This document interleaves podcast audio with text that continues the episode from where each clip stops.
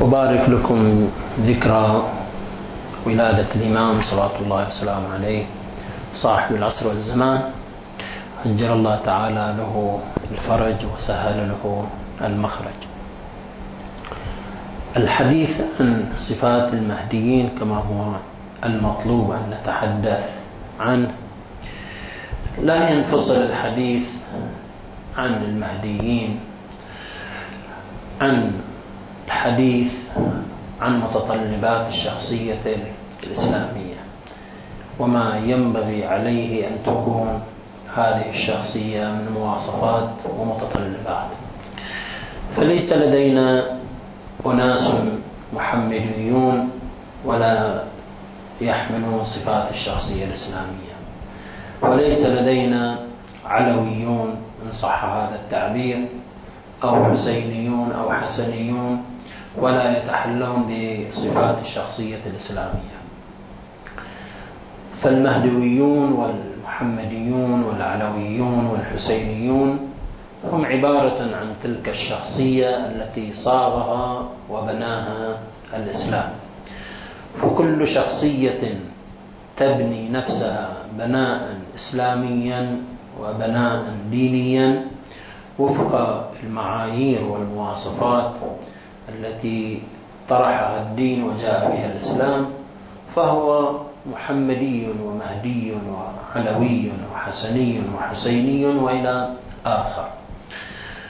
وكل من لم يبني نفسه بناء إسلاميا ولم يصف شخصيته وفق الصياغة الإسلامية فهو قطعا لا يمكن أن يتسم وأن يتصف بهذه المواصفات.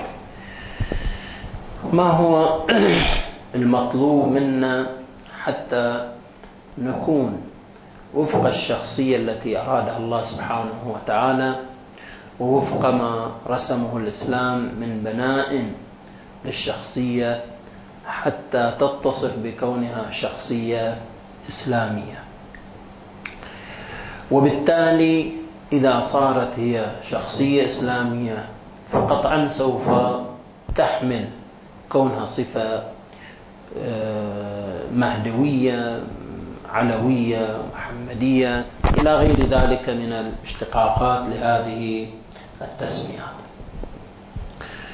أحاول أن أذكر آه، بعدين في هذا المجال وأقتصر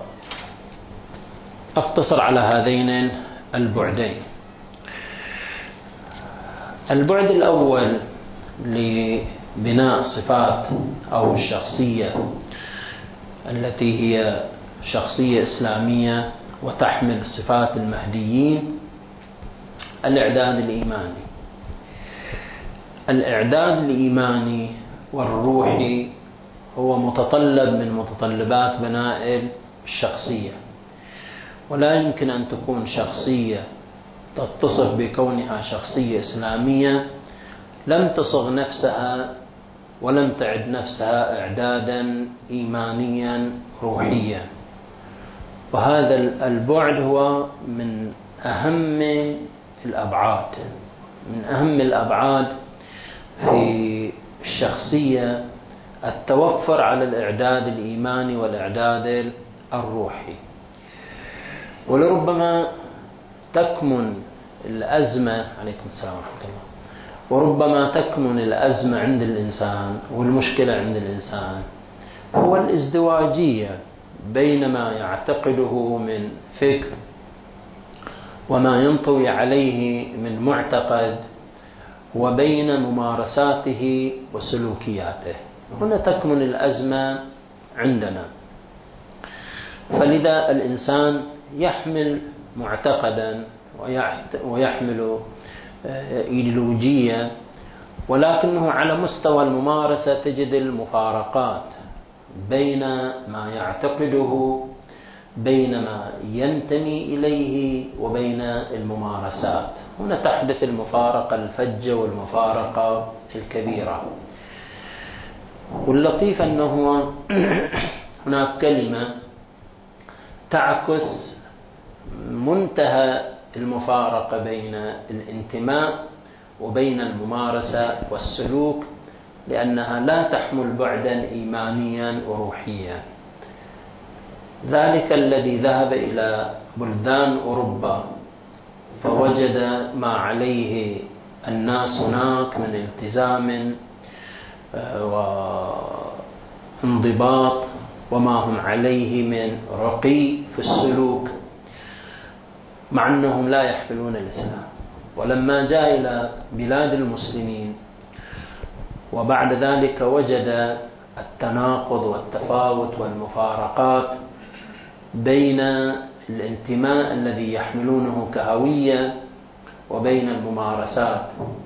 فقال وجدت في أوروبا مسلمين بلا إسلام. ووجدت في بلاد الشرق مسلمين بلا إسلام أو إسلام بلا مسلمين.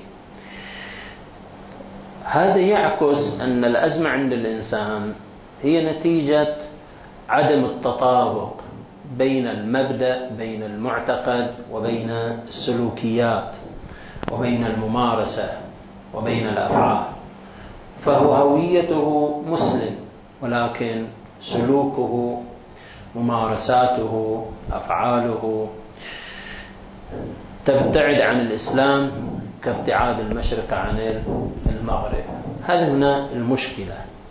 فلذا ليس الانتماء مجرد انتماء شكلي.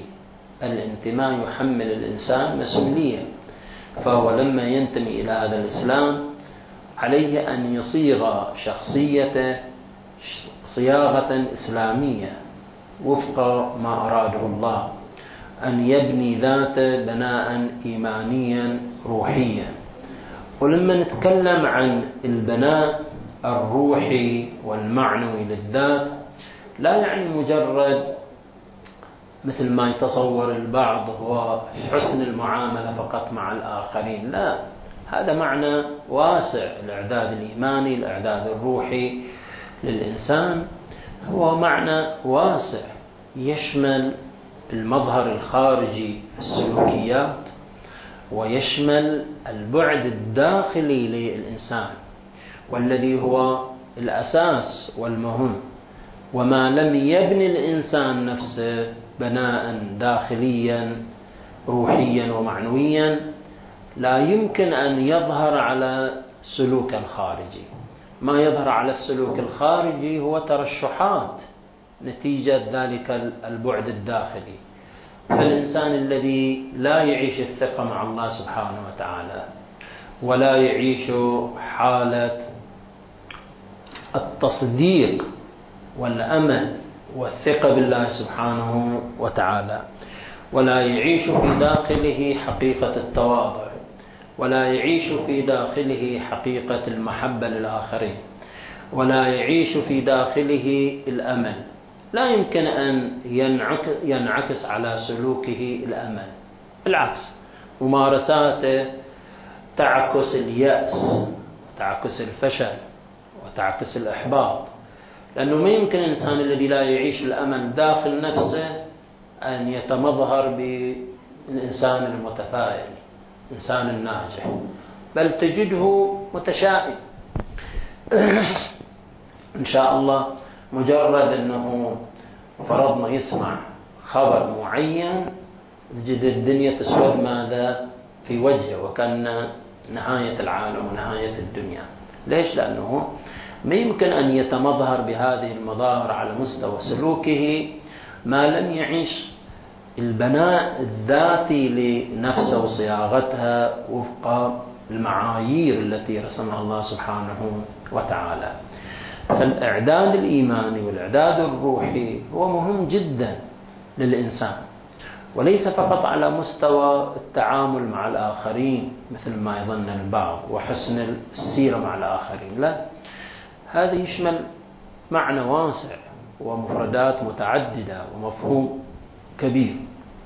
على أي حال البعد الإيماني والروحي هو بعد مهم جدا وهذا من أهم الصفات الشخصية الإسلامية التي نستطيع أن نقول أن الشخصية الإسلامية هي المساوقة والمساوية لصفات المهديين في الرواية عن أبي بصير وهو يتحدث عن انتظار الفرج وصفات هؤلاء المنتظرين لفرج الإمام سلام الله عليه فيذكر قوله عليه السلام ألا أخبركم بما لا يقبل الله عز وجل من العباد عملا إلا به؟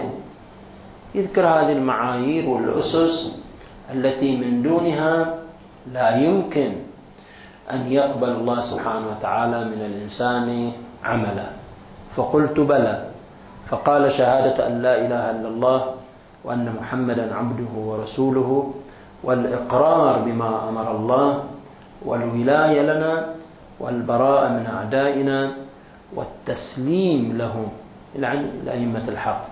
والورع والاجتهاد والطمأنينة والانتظار للقائم أجر الله تعالى فرجه الشريف إلى أن قال لنا دولة يجيء بها الله إذا شاء ثم قال ومن سره أن يكون من أصحاب القائم فلينتظر وليعمل بالورع ومحاسن الأخلاق وهو منتظر. فإن مات وقام القائم بعد كان له من الأجر مثل أجر من أدركه. فجدوا وانتظروا هنيئا لكم أيتها الإصابة هذا الحديث يشتمل على مجموعة من المفاهيم ومجموعة من الأسس التي من الضروري من الضروري جدا أن يتوفر عليها الإنسان المنتظر لفرج الإمام صلوات الله وسلامه عليه. بعض هذه بعض هذه الصفات مرتبطة بالجانب العقائدي.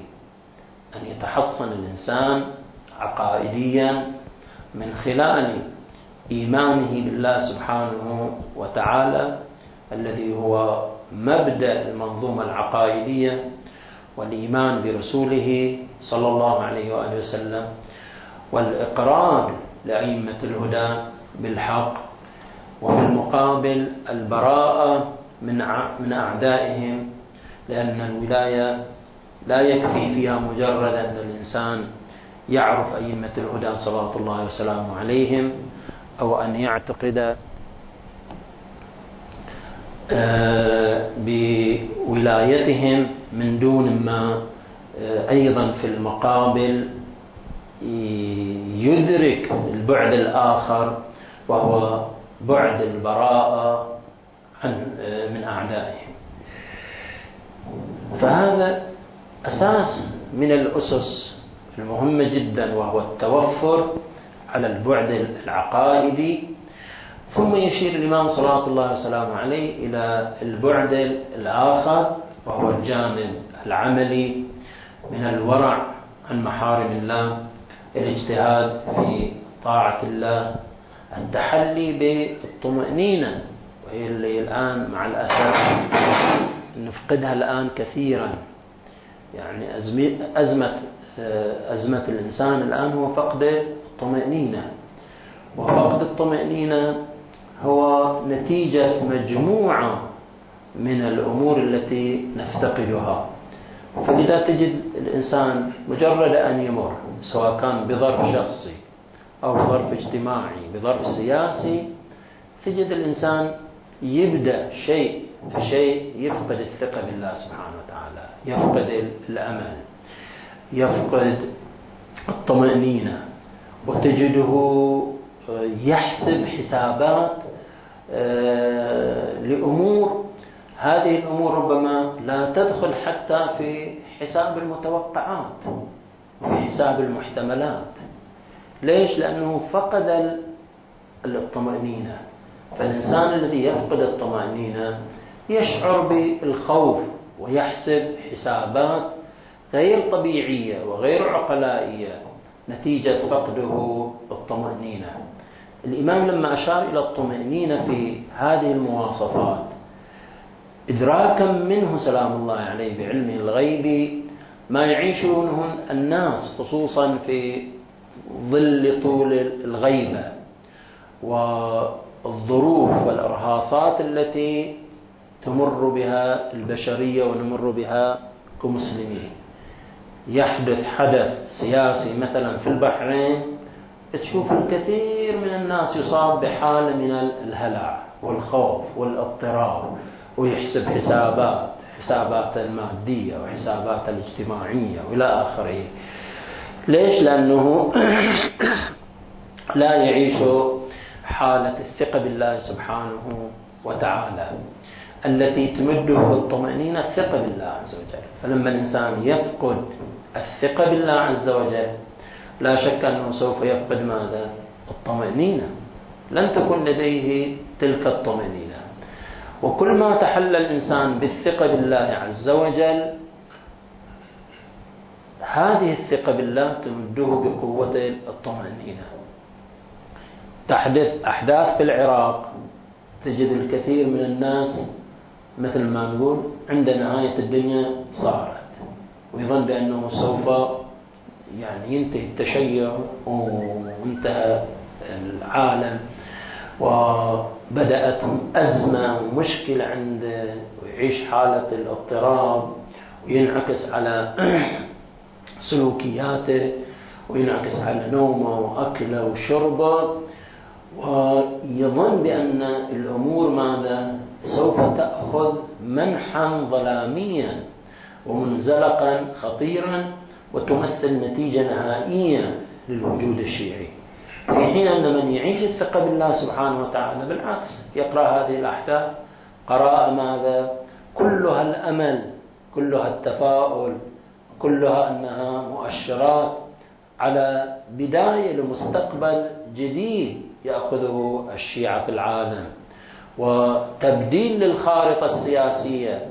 أن هؤلاء الذين كانوا طوال هذه السنوات من الظلم والقهر والاضطهاد كانوا خارج الخارطة السياسية الآن تبدأ الأمور أن ترجع إلى نصابها الصحيح ليأخذ هؤلاء المظلومون طوال التاريخ والمقهورون طوال التاريخ دورهم المفروض لهم كما أن للآخرين أيضا أن يأخذوا ماذا؟ دورهم في الحياة وفي القرار وفي رسم المستقبل لكل بلد.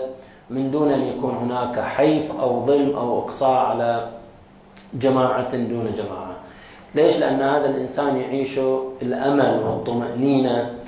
فالإنسان لما يعيش هذه الصفات هذا هو الذي يمكن أن نقول بأنه شخصية إسلامية يتصف بصفات المهتدين أو المهديين.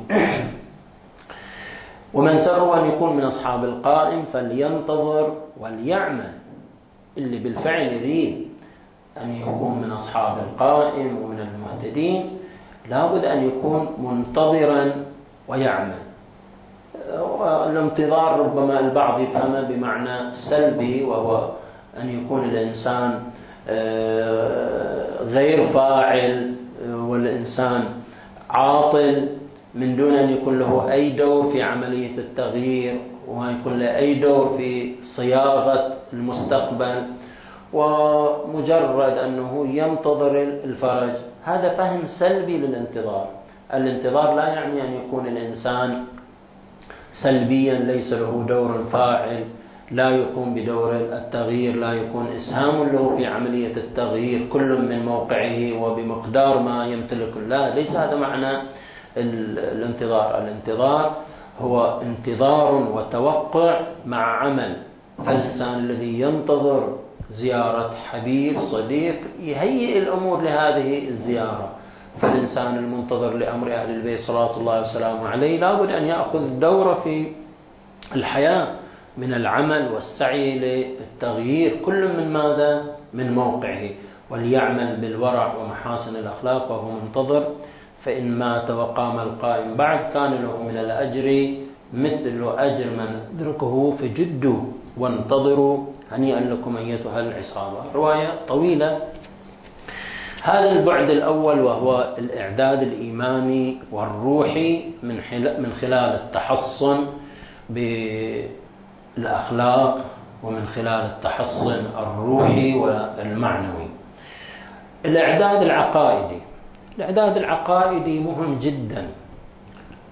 من الضروري أن الإنسان يتوفر على المعرفة العقائدية التفصيلية التي تحميه وتحصنه من الشبهات. إحنا نجد الكثير مع الأسف يقع أسر لشبهة أو تجده يقع في تأثير فكر معين. ليش وقع في تأثير هذا الفكر المعين؟ لماذا وقع في هذا الفخ الفكري أو العقائدي؟ لأنه لا يمتلك تحسينا عقائديا. ولما نقول تحسين عقائدي لأن الآن المشكلة والحرب ليست حرب بين إسلام وكفر. لا تجد أحد يختلف على وجود الله. لا تجد أحدا من المسلمين يختلف في نبوة النبي صلى الله عليه وسلم. لا تجد أحدا يختلف في أن هذا القرآن هو كتاب الله المنزل. لا تجد أحدا من المسلمين يختلف على اليوم الآخر. هي قضايا محسومة بين المسلمين ومسلمة.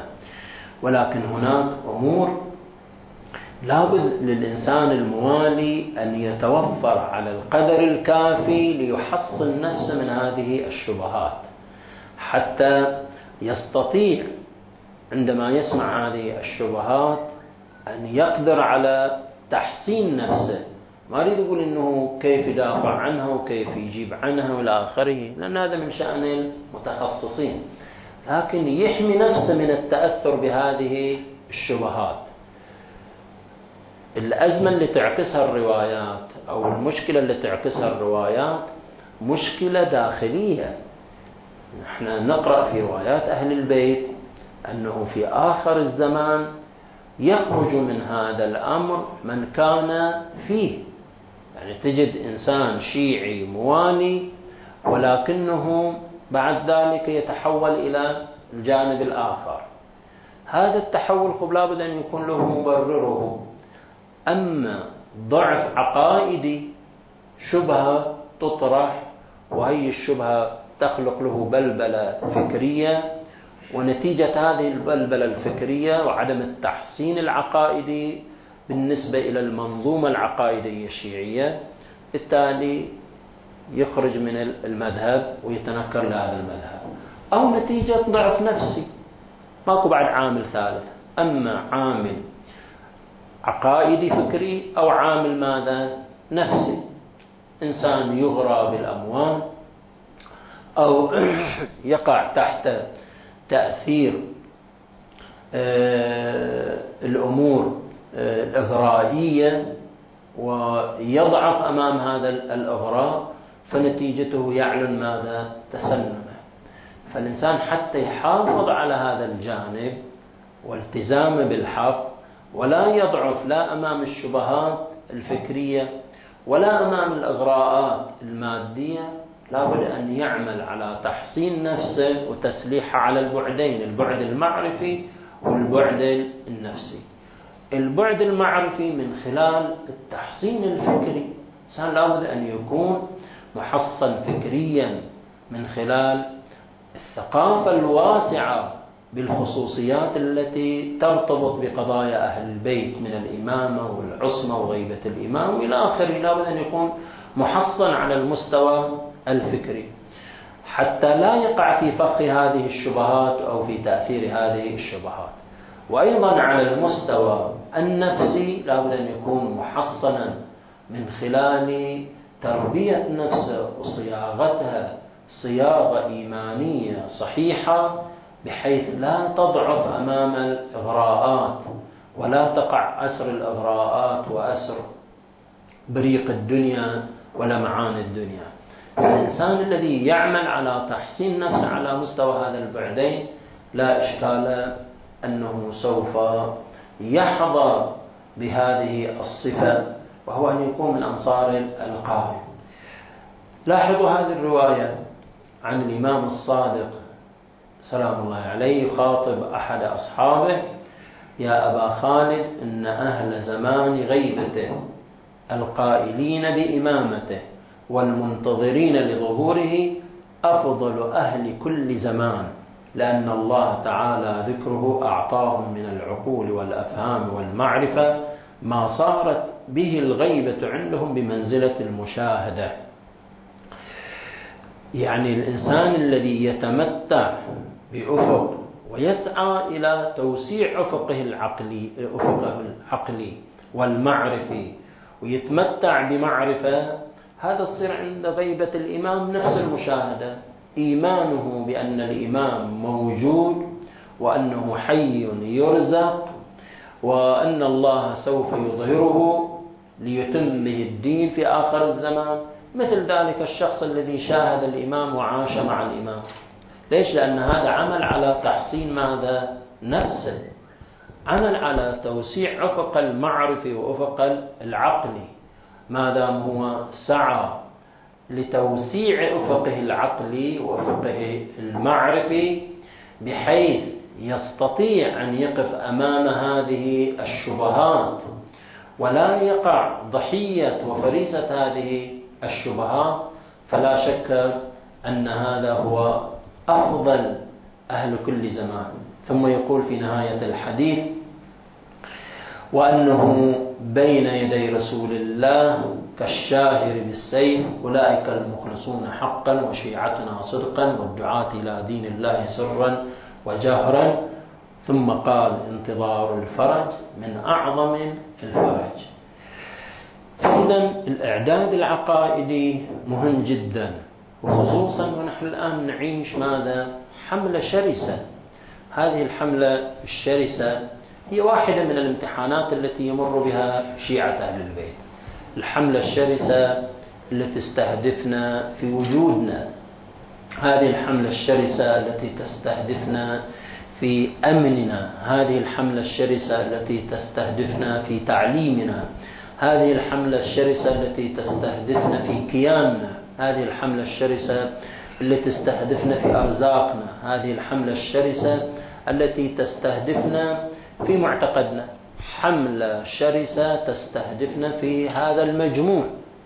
من أمننا من حياتنا كياننا أرزاقنا مواقعنا الاجتماعية والتعليمية والثقافية.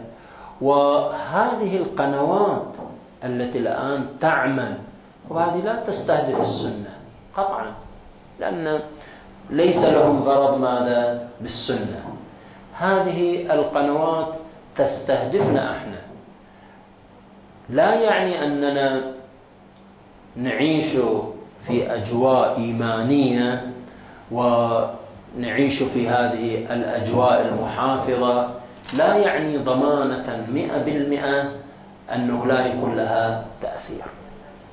البعض رهانه أن مثل هذه المشاريع الآن آه، الإعلامية يرى أن القضية إحنا مجتمع شيعي ومحافظ وهذا المجتمع الشيعي والمحافظ آه، محصن نتيجة أنه يعيش في المآتم ومن نعومة أظفاره في المآتم فنحن محصنون. هذا هو ليست ليست كل القضية. يعني نحن نحتاج إلى أن نحصن أنفسنا أكثر ونعيش حالة التحصين والعمل على الإعداد الروحي والعقائدي حتى نواجه هذه الحملة الشرسة. ما لم نعمل عملا جادا على تحسين أنفسنا وإعداد أنفسنا إيمانيا وروحيا وعقائديا فإن لهذه الحملات تأثيرها. ولذلك من المطلوب منا أن نحصن أنفسنا تحصينا قويا تحصينا جيدا حتى لا نقع في تأثير هذه الحملة الشرسة بمفرداتها التي تستهدفنا في هذا المجموع الذي تحدثت عنه بشكل مجمل.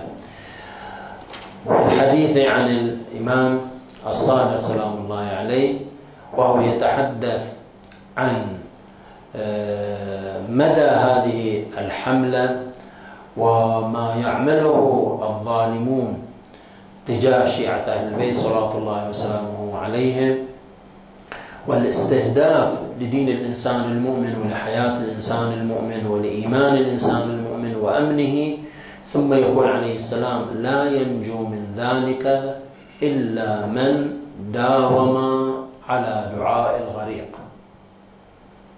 يعني هذا يعكس ماذا؟ يعكس أنكم تحتاجون لا تقول أنا أراهن على أننا مجتمع محافظ ومجتمع متدين ومجتمع ولائي ومجتمع متربي في المآتم من نعومة أظفاره إلى إلى هذا العمر هذا كافي. لا. هذه الحملة لها آه، أساليب متعددة ولها أشكال وأنماط مختلفة. فنحن نحتاج إلى أن نعمل على الإعداد الروحي والإيماني وعلى الإعداد العقائدي وأنا في تصوري أن المشكلة اللي نعيشها هي مشكلة الإعداد الإيماني والروحي. نحتاج إلى أن نصيغ أنفسنا صياغة إيمانية روحية. لأننا إذا صغنا أنفسنا صياغة روحية معنوية عندئذ نستطيع أن نهزم كل هذه المشاريع الاستهدافية.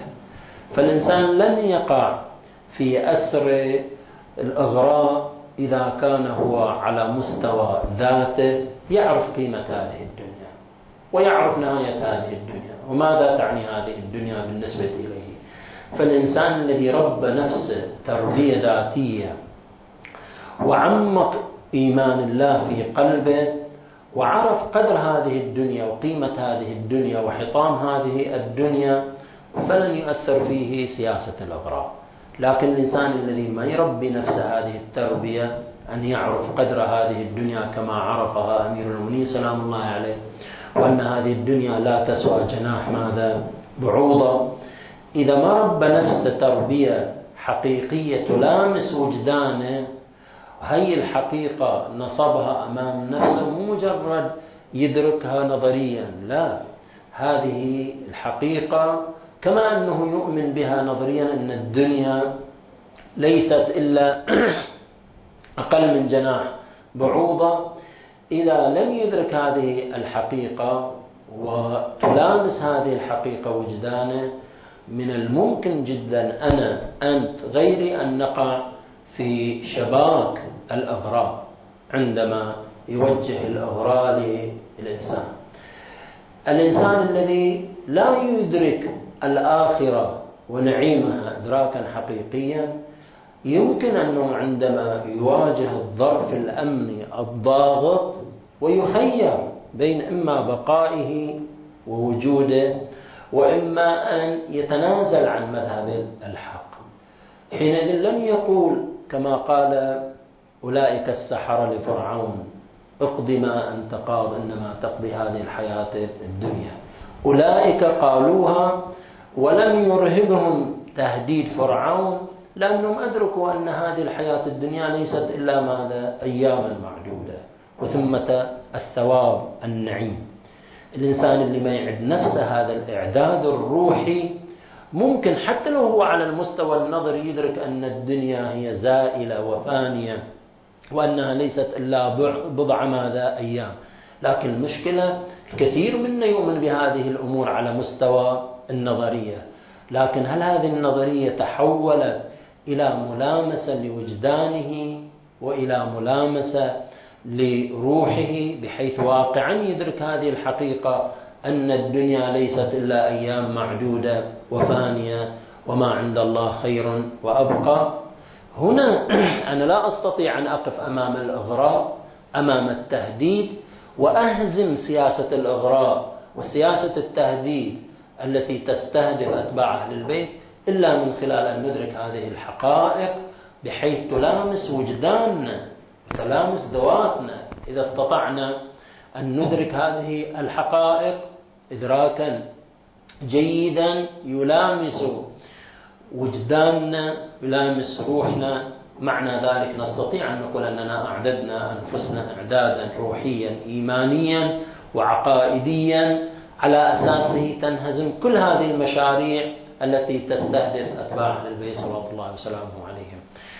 آه، أنا حاولت أن أقتضب هذا الحديث اقتضابا سريعا لأنه صار آه، شيء من الإرباك في البرنامج وأنا مرتبط بمحاضرة في بار بار والحمد لله رب العالمين صلى الله على محمد.